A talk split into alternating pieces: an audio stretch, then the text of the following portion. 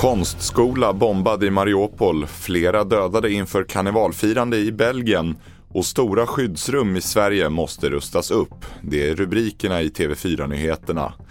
Vi börjar i Ukraina där det ännu inte finns några uppgifter om döda eller skadade efter attacken mot en konstskola i staden Mariupol i morse.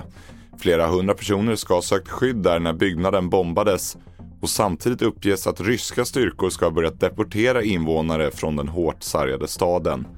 Utrikesreporter Jonas Källgren är på plats i Lviv i västra Ukraina. Om det stämmer så är det ju ytterst oroväckande.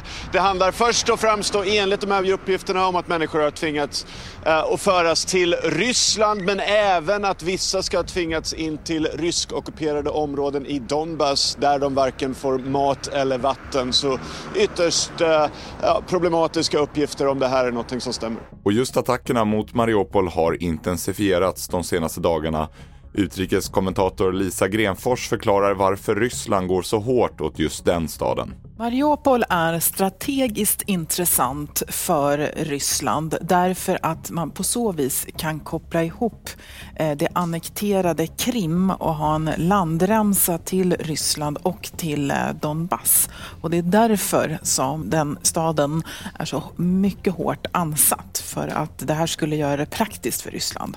Vidare till Belgien och uppgifterna från staden La Louvière i morse om att fyra personer omkommit och minst 12 personer skadats allvarligt sedan en bil kört in i en folkmassa under förberedelserna till en karneval idag.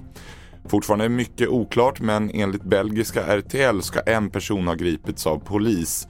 Mer om den här utvecklingen på tv4.se. Och här hemma konstaterar Myndigheten för samhällsskydd och beredskap att de större befolkningsskyddsrummen måste rustas upp.